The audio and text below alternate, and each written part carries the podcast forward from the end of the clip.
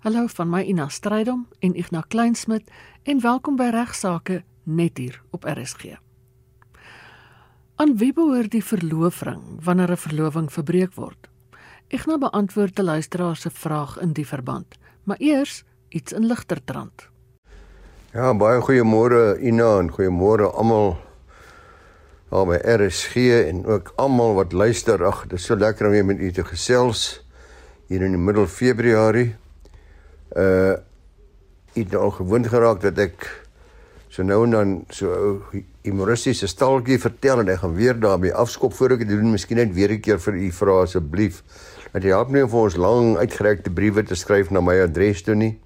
Baie u persoonlike uh vrae met my bespreek nie, veral die meeste van daardie briewe is dit duidelik dat jy reeds van ander prokureurs gebruik maak. Uh hulle is in 'n 100 keer beter situasie as om my te adviseer as ek wat hier in Rustenburg sit en nie die voordeel het van 'n urelange konsultasie met u om dinge uit te pleis en uit te praat nie.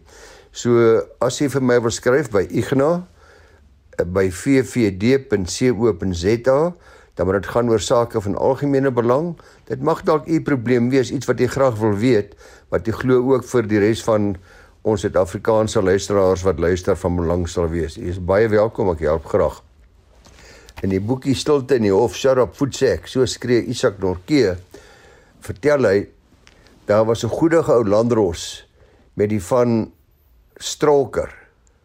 Hy was 'n uh, van 'n vreemde nasie uh, agter die Oosblok en het Engels en Afrikaans woorde soms uitgespreek dat niemand hulle eintlik kon herken nie.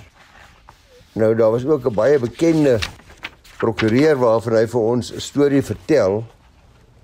En die prokureur se naam was Dave Joseph. Nou Dave Joseph is veral bekend, ek het ook al die saak onder oog gehad as gevolg van 'n saak hier in 1932 wat in die Appelhof beland het. Die saak van Joseph, dis nou Dave Joseph die prokureur self, sy persoonlike hoedanigheid versus Black and Others in 1930 saak wat in 1932 aan die Appelhof geëindig het. Nou Black was die redakteur, dis die verweerder nou van 'n uh, tydskrif met die naam van Shambok. Uh onder andere weet ek dat Herman Charles Bosman was ook 'n tyd verbonde aan daardie Shambok tydskrif. Nou Dave was een van wat in die in die artikel genoem was van die ses others. Dis nou uh, Dave Joseph Hy was bekend as ou Dave, 'n bekende prokureur en die Shambok het onder andere oor hom geskryf. We felicitate Mr Joseph on his clientele. Nou daarmee natuurlik het die koerant geïnsinieer volgens Joseph dat hulle hom vereenselwig het met die wandade van baie van sy kliënte uh, namens wie hy opgetree het. Uiteindelik het hy die saak in die appelhof gewen, die die lastersaak en aan hom toe is 'n substansiële bedragskadevergoeding vir daardie tyd toegestaan. Nou Isak Norke vertel oor uh Dave Joseph wat Dave was 'n groot grouwe man gewees. Sy taal was ruw en kru. Hy het met 'n rasper stem gepraat. Hy was baie gewild eintlik onder landros te meeste van sy kollegas. Ben wees sy onkreukbare eerlikheid en sy bekwaamheid. Maar uh hy sê prokureur bel my eendag. Dis nou dis nou vir Isak en hy vra of ek beskikbaar was om by die landroshof op te tree en 'n aansoek wat hierdie selfe Dave Joseph gebring het om uh, daardie prokureur te verplig om sekere besonderhede te verskaf in 'n siviele geding. Hy sê toe ek die stukke lees dat ek vermoed dat die prokureur was bang dat ou Joseph hom dalk sou te nakom. Hy gebruik die woord neek. Dit was beweer dat hy in sy jong dae nogal 'n rowwe straatbekleier was. Joseph het besonderhede gevra wat heeltemal onnodig was En die ander prokureur het toe die gek probeer skeer met die antwoorde op hierdie vrae wat die wat sy kollega Dave Joseph gevra het. Dit was in die volgende trant. This is a stupid question. Ander antwoord wat hy gegee het is use your sense if any. Daar was vyf sulke antwoorde. Die aansoek dien toe voor Landros hierdie stroker wat ook so moeilik uh, snaakse aksent Engels gepraat het.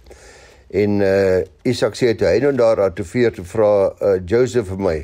Now where is that bloody fool? Dis nou die ander prokureur. I want to break his effing neck. Nou uh dit het toe so gewerk in die hof in die uitspraak maak die Landros toe die groot fout om te probeer snaaks wees. Dis nou Landros Stroker wat so snaaks praat. Hy lees die eerste vraag af en hy sê: "The answer given was that it was a stupid question. The court finds that it was a stupid question indeed." Hy lees die tweede vraag. Dan: "The answer was that Mr. Joseph should use his own sense, if any." Die court finds that he should use his own sense, if any. Dis tot net daar wat Dave Joseph genoem gehad het vir hierdie storie. En hy spring toe op en hy bestorm die regplank tot vlak voor die landros en hy sê: "Are you a magistrate or a bloody clown?" skree hy. Nou Stroker wat 'n uh, senuweeleier was het hom oor 'n mik geskrik vertel Isak Norke en hy sê: "Please Mr. Joseph, I'm only a magistrate, not a bloody clown." Sê hy terwyl hy verskrik sy hande omhoog steek. Then why the hell do you act like a bloody clown? skree die woedende ou Joseph. Die landros is seker maar van plan om uh, al vyf vrae wat gevra was te weier. My was nog steeds met sy hande in die lug te draai, nou sy gesig in die rigting van uh, Isak Norke en hy sê please Mr Norke, may I give him the other questions? Yes. Nou ja, een keer het hierdie Sarah Joseph uh, opgetree voor Landros Cohen. En Landros sê toe vir Mr Joseph, You are speaking very indistinctly. You slur your words. Why don't you give why why don't you put your dentures in? Antwoord Joseph.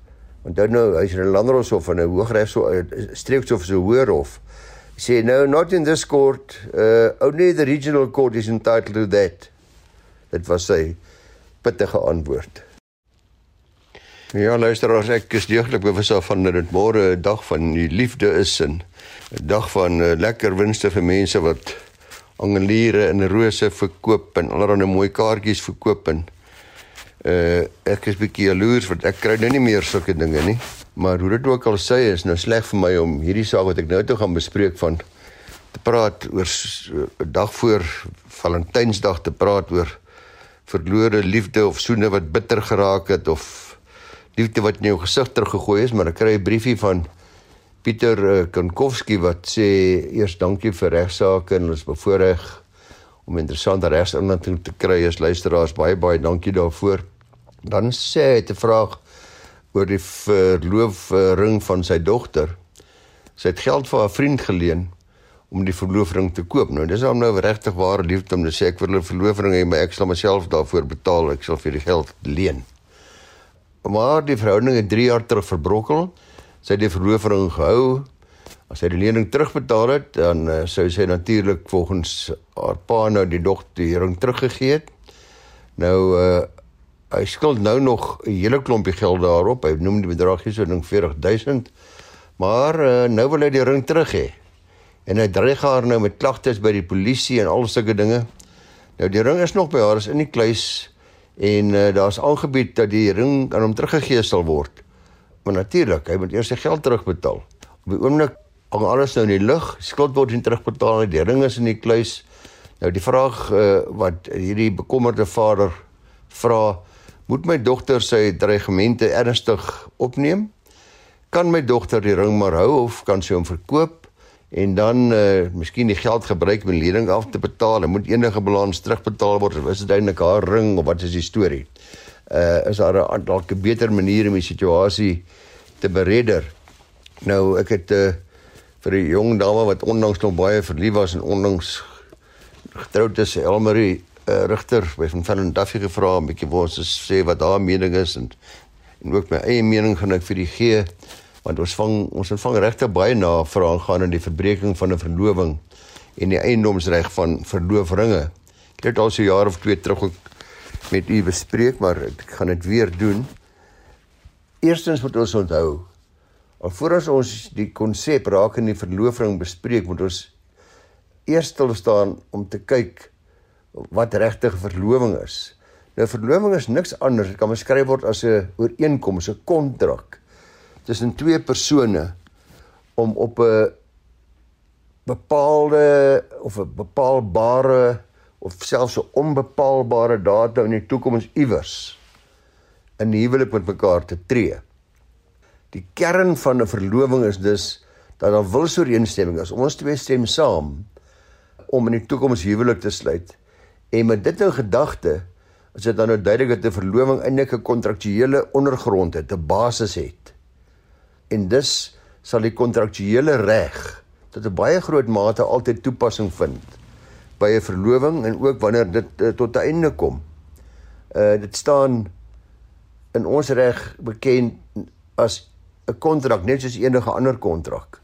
Nou wanneer partye hierdie verloving verbreek, beteken dit bloot dat die partye met ander woorde nou nie meer die bedoeling het om in die toekoms 'n huwelik te sluit nie. Maar natuurlik kan 'n verloving op 'n regmatige of 'n onregmatige uh wyse verbreek word. Nou 'n voorbeeld van die gewone verbreeking van 'n huwelik is waar albei partye besluit wie wat, dit werk nie regtig vir ons nie. Dit was nou lekker, was nou nie meer lekker nie en kom ons besluit saam om liewers ander weivelde te gaan soek om op 'n mooi manier uit mekaar te gaan en kom ons doen dit dan op 'n wyse wat ons nie vir mekaar kwaad is nie. Ongelukkig gebeur dit nie baie gereeld nie, maar dis 'n een manier of wat wat ek regtig glo die regte manier is om 'n verloving te verbreek en jy vat wat joune is en ek vat wat myne is. Ons besluit saam en omdat ons saam nie meer die bedoeling het om in huwelik te tree nie, maak verloofing ook nog geen meer sin. Wie wil nou 'n verloofing dra van iemand wat dit vir jou gegee het terwyl jy nie meer in huwelik uh, gaan tree nie en jy het self so besluit. Nou in daardie geval natuurlik sal huwelik gegee word teruggegee word aan die man normaalweg want daar was nie onregmatige as jy dis die tweede manier en dis wat ek eintlik dink hier gebeur het ons nou van praat. Ek is nie seker ongelukkig gee ons luisteraar geen inligting oor hoe die verloving gebreek is nie. Maar kom ons sê nou waar was 'n onregmatige beëindiging. Dit sal wees nou waar die verloving verbreek word as gevolg van uh die houding van een van die partye uh wat nie meer glad nie meer wil verder trou nie. Hy het 'n verhouding met 'n derde party byvoorbeeld aangeknoop en nou is dit duidelik dat hierdie hierdie verloving het skipbreek gelei en een party het nie meer die bedoeling om te trou nie en hy verbreek die verloving kom ons sê net maar in aanhalingstekens op 'n lelike manier. En anders in ander woorde sy skuld dat die verloving gebreek word en sy verloofde het geen skuld daaraan nie. Sy is nog net so oulik en so pragtig en nog dieselfde voornemens as altyd. So natuurlik anders wees as hy hom goeie redes gegee het om hierdie huwelik te of om hierdie verloving te verbreek omdat sy begin vloek en skelne raas en beklei en onmoontlik geraak het, maar dis alles getuienis. Nou ontstaan die vraag en dis eintlik wat die luisteraar wil weet, aan wie behoort die verloving? Die nie verloving nou beëindig is. Nou 'n verloving, soos ek nou al eintlik probeer sê, dis niks meer as 'n simbool van albei partye se ernstige bedoeling om 'n huwelik te tree nie. En uh natuurlik as hierdie simboliek nie meer nodig is nie, dan uh, wat word nou van die verloofring? Maar belangrik is in ons reg en dis eintlik die antwoord aan ons luisteraar en aan almal van u wat luister. 'n Verloofring kan deur die ontvanger na beëindiging van die verloving gehou word as haar eiendom. Maar dit kan slegs gehou word en dit hoef nie teruggegee te word nie indien die verloving sonder die ontvanger van die verloving se skuld beëindig is. Met ander woorde, as ek onskuldig is en die ander party het onregmatig die verloving verbreek as gevolg van sy van van sy uh, ontrouheid wat ook nog dit mag wees, kan ek die verloving hou. Die algemene reël is dus dat die verloving teruggegee moet word aan die gewer wanneer die verloving by ooreenkoms beëindig word of as gevolg van my eie skuld. Dit sal ook die situasie wees uh wanneer die verloving sonder die skuld van enige van die betrokke partye eintlik tot 'n einde kom. Maar wanneer die verloving op 'n onregmatige wyse verbreek word weens byvoorbeeld die skuld van die een party, dan kan die onskuldige party die ring behou. Maar kom ons uh, sê byvoorbeeld ons luisteraar se dogter om sy geval te hanteer. Kom ons sê die twee scenario's. Hy vra oor oor die klagte by die polisie, dis 'n klomp nonsens. Polisie sal nie daaraan steur nie. Daar kan geen sprake hier van diefstal wees nie. Dit is duidelik net 'n siviele aksie tussen die partye wat sal afhang van die feite. As die verloofde en sy sameshoud het om uh, die verloving te beëindig, dan moet sy die die verloofring teruggee. As die reëling was dat sy die verloofring net sal teruggee nadat hy haar geld terugbetaal het, sal sy die verloofring kan hou as skuldvergelyking en uh, ander woorde span totdat sy die uh, totdat sy die totdat die geld terugbetaal is. Ek dink 'n hof sal uh, dit goed verstaan. As dit egter was dat uh, hy die verloving verbreek het sonder goeie rede uh en dat hy dus die kontrakbreuk gepleeg het, dan kan sy die ring hou as haar eie eiendom en sy kan terselfdertyd ook natuurlik daarmee maak net wat sy wil as sy wil verkoop ensovoorts, maar onthou net, uh seker om ook dagvaar dan vir die uitstaande balans, geen probleem nie. Uh, wat hy haar nog skuld. Hou in gedagte daar's iets soos verjaring. Verjaring is uh 3 jaar vandat uh, die skuld aangegaan is of vandat die laaste paaiement betaal is of vandat jy weer erken het ja, ek skuld die geld, maar ek sal dit eers vir jou net gee as jy my verloofring teruggegee het. Enige aanduiding dat hy wel die geld geleen het, sal verjaring eers begin loop 3 jaar daarna. So hooplik in hierdie geval het die eis nog nie verjaar nie. Maar ongelukkig kan ek nie vir ons luisteraar in hierdie geval sê ja, hou die verloofring of gee dit terug nie want ek weet nie wat die oorsaak was tot die verlovingsbreek nie. Dis die miljoen dollar vraag. Ek nou bespreek nou kortliks twee onlangse hofuitsprake en dan gee hy meer inligting oor drie wysigingswette wat bekragtig is wat verband hou met geslagsgeweld en gesinsgeweld. Dan wil ek sommer met julle deel 'n klompie lekker interessante uitsprake oor sake wat baie van u van kennis sal dra. Die eerste was die bekende saak wat nou lank in die gang is tussen die Pieter Moyo en Old Mutual sy vorige werkgewer. Die, hy is die afgedankte uitvoerende hoof van Old Mutual. En uh, sy hierdie drama van sy hofsaak tussen hom en Old Mutual het nou al 3 jaar geduur. Uit op 23 Mei 2019 is hy met volle betaling geskort nadat Old Mutual nadat die maatskappy waarvan hy ook 'n direkteur was, dit was NMT Capital in 2018 dividende van ongeveer 11,5 miljoen rand op gewone aandele uitgekeer het. Nou die reël was dat NMT en hy het dit geweet of hy moes dit geweet het, het dividende op voorkeur aandele aan Old Mutual geskuld en daar was 'n ooreenkoms aangegaan dat daar geen dividende aan gewone aandele soos dit nou wel gedoen het uitgekeer sou word voordat die skuld gedelg het. So Old Mutual was nou die duiwel en daaroor dat hulle skuld nie gedelg is nie.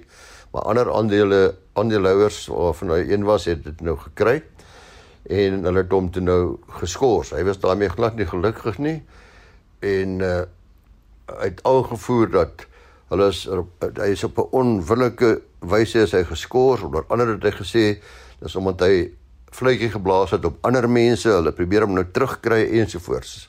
Daar's 'n klomp beweringe oor en weer gemaak.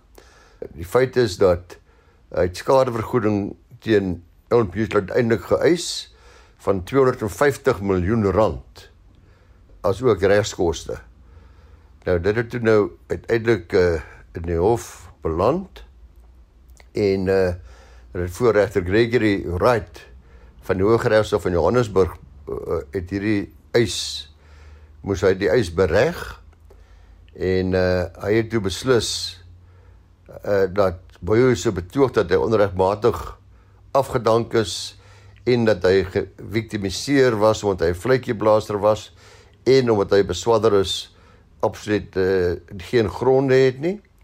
Hy het gesê op grond van die getuienis kan dit nie gesê word dat meneer Moyo op enige wyse 'n slagoffer van enige aard was nie. Regter Wright sê Moyo se uitbeelding van homself as 'n fluitjieblaser wat as gevolg daarvan afgedank is, lyk vir hom baie eintlik soos 'n nagedagte toe hy sien die skoen begin druk, dit begin onaangenaam raak. So dit was die uitspraak teen die uh vorige baie belangrike persoon by Old Mutual en die regter bevind uh die werklike rede vir afdanking is hy's afgedank gevolglik toe siele in sy dienskontrak wat enige partye werknemer op werkgewer magtig om 'n kontrak met 'n kennisgewingstydperk van 6 maande te beëindig. Aan die ander wyse as ek nie 'n kontrak het, jy kan nie oulikste werker wees wat daar is, maar as ons kontrak sê ek kan jou met 3 maande kennisgewing kan ek ons kontrak beëindig, dan is dit so. Of wederzijds, jy mag jou kennis, jy het 5 jaar kontrak, maar ek gee jou die reg kontraktueel om 3 maande skriftelike kennis te gee om die kontrak te beëindig. In hierdie geval was dit nou 6 maande en hulle sê dit was inderdaad die rede die regmatige afdanking en daar was geen onregmatigheid aan die hele afdanking nie. So dis die die mooi hoesage, die ander ene wat baie interessant was is die skorsing eh, van Ysmagashule. Ek dink baie van u weet daarvan die bekende Ysmagashule. Dis ingedien uh die aansoek van Magashule nadat die Hooggeregshof in Johannesburg in September al in 2021 'n aansoek tot appel afgekeur het, het hy nou weer probeer. Op 13 November het hy weer probeer dokumente in die uh, probeer dokumente indien uh, waarom die hy glo die appel of nou om die geleentheid moet gee om die hofuitspraak teen hom te kan appeleer. Nou hy is in Mei verlede jaar uit die ANC geskort, dis waarteen die appel gaan nadat hy van korrupsie aangekla is, want kragtens die ANC se algemene beleid moet mense in leiersposisies wat werklik aangekla is, nie net beweringe nie, in hierdie geval is hy werklik aangekla van enige misdaad, moet eers op sy staan. Dis maar 'n skorsing totdat die saak afgehandel is en hy is sielsongelukkig daarmee tot vandag toe nog. Maar uh luisteraars, die aansoek tot verlof uh was 'n dag was 'n paar weke gelede, dink 31 Januarie was die aansoek om verlof tot appel met kostes uh afgekeur op grond daarvan dat die regters gesê het daar geen redelike vooruitsig op sukses in appel is nie en geen ander dwingende redes waarom appel aangehoor moes word nie. So uh, in hierdie geval uh het vir die hoeveelste keer het die appelhof nou vir Eis Magashule die deur gewys. Uh u sal onthou dat Magashule is aangekla van bedrog en korrupsie en geldwasery verspruitende uit die asbesdak tenderskandaal van ongeveer 225 miljoen rand in die tyd toe hy die premier van die Vrystaat was. En uh dit het natuurlik 'n groot verleentheid vir die ANC gewees die hele eiskwessie en daar is ook 'n uh, duidelike aanduidings van dat daar nie baie goeie verhouding is die oomblik tussen van die leiers nie maar uh, ek dink die hele land is ook in afwagting om te sien wat met hierdie Vrystaat se asbesdak saak en al die beskuldigdes wat daarbey betrokke is nog gaan word. Dan is daar 'n uh, ander uh, drie nuwe wette wat ek vanaand net vir u wil van vertel. Al drie baie belangrik is. En dit het ook hier so in Januarie is het ons ons president Cyril Ramaphosa uh drie wysigingswette onderteken wat in doel het om geslagsgeweld en geseksuele misdrywe uh te bekamp. Uh die drie wette is die wysigingswet op die strafreg, dis nou seksuele oortredings en verwante aspekte, ook die wysigingswet op die strafreg en verwante sake, ook die wysigingswet op gesinsgeweld. Die eerste ene wat ek u van vertel het, naamlik die wysigingswet op die strafreg en verwante sake, beskerm die slagoffers van sekondêre victimisering. Ek nou nie vir u belas met presies wat dit beteken nie, maar is duidelik uh dit is nou waar wat die howe nie meer gaan toelaat waar tussenpersone nie aangestel word wat kinders, mense en mense met gestremdhede, bejaardes, mense met spesiale behoeftes kan ondervra nie. Hulle kan ook aanlyn getuig. So daar's beskerming vir mense wat onderhewig is aan sulke sekondêre victimisering terwyl hierdie soort van sake aan die gang is. Daar's ook gesê dat verdagtes wat aan verkrachting en moord op vroue en kinders aangekla word. Uh dit is ook van die mense wat in die spervirus met hierdie nuwe wysigingswetgewings in gevalle waar die staat nie borgtog teen staan nie. Moet die aanklaer amptelik die rede gee. Die aanklaer kan nie net soos nou vandag gebeur sê nee, wag, toe maar die staat is gelukkig, ons is gelukkig. Nou daar's beweringe baie keer van omkopery ensovoorts. Dit kan nou nie meer gebeur nie want die staatsaanklaer moet baie goeie redes gee waarom daar nie in sake waar verkrachting en moord en die soort van dinge in in in verdagtes van toepassing is waarom word tog nie uh, teengestaan word nie. Nou tensy die hof oortuig is daarvan sê hierdie wysigingswet dat daar buitengewone omstandighede is wat borgtog regverdig moet borgtog geweier word. So die staatspresident kom hiermee belofte na wat hy 'n jaar of twee terug al in 'n toespraak gemaak het dat hy gaan al hoe moeiliker maak vir hierdie tipe van misdadigers of beweerde misdadigers om borgtog te kry. Dan ons daar die wysigingswet op strafreg, dis die seksuele oortredings en verwante sake. Dit verbied nou voortaan die seksuele voorbereiding en uitbuiting van mense met geestelike gestremdhede. Ook hierdie skuldiges se name moet in die nasionale register van seksoortreders aangemeld word En dan is daar die wysigingswet op gesinsgeweld. Uh dit neem sommige van die gekompliseerde voorvalle van gesinsgeweld in ag. Die proses word uitgebrei om beskermings om beskermingsbevele te verkry, word aangepas en die kwessie van vrouens en kinders wat geviktimiseer word en dan 'n beskermingsbevel kry van die prosesse om te kry word ook in die nuwe wet aangepak en en, en bespreek en daar word daar word gepoog om meer beskerming te gee. En nou belangrik as die hof meen dat klaar en onmiddellike gevaar is, dan kan hy die beskermingsbevel dadelik uitreik. Tans word 'n beskermingsbevel altyd net voorwaardelik uitgereik met 'n keerdatum wat die ander party kan kom sê ja en nee, maar as daar onmiddellike gevaar is, dan kan hy beskermingsbevel dadelik uitgereik word. Met ander woorde, die klaar hoef nie eers meer kennis te kry van die verrigtinge nie. Dit kan dan mero motu gedoen word, uh, ex parte gedoen word, dis die regte woord. En die slagoffers van geslagsgeweld kla gereeld dan ook oor die swak behandeling van polisie. En weer eens probeer hierdie wet, daar is al bestaande wetgewing wat ook sê hoe ernstig hierdie hierdie gevalle is en wat polisie hulle ernstige aandag daaraan moet gee. Maar hierdie wet gaan verder en hy, hy, hy herbeklem weer eens dat hulle sal van wangedrag aangekla word polisielede wat nie aan die vereistes van die wet voldoen nie. Baie dankie aan ons parlement en ons staatspresident wat hierdie wette nou onderteken het en dit hopelik gaan dit help. Dis dan al vir vandag van my Ina Strydom en Ignas Kleinsmid groete tot volgende week.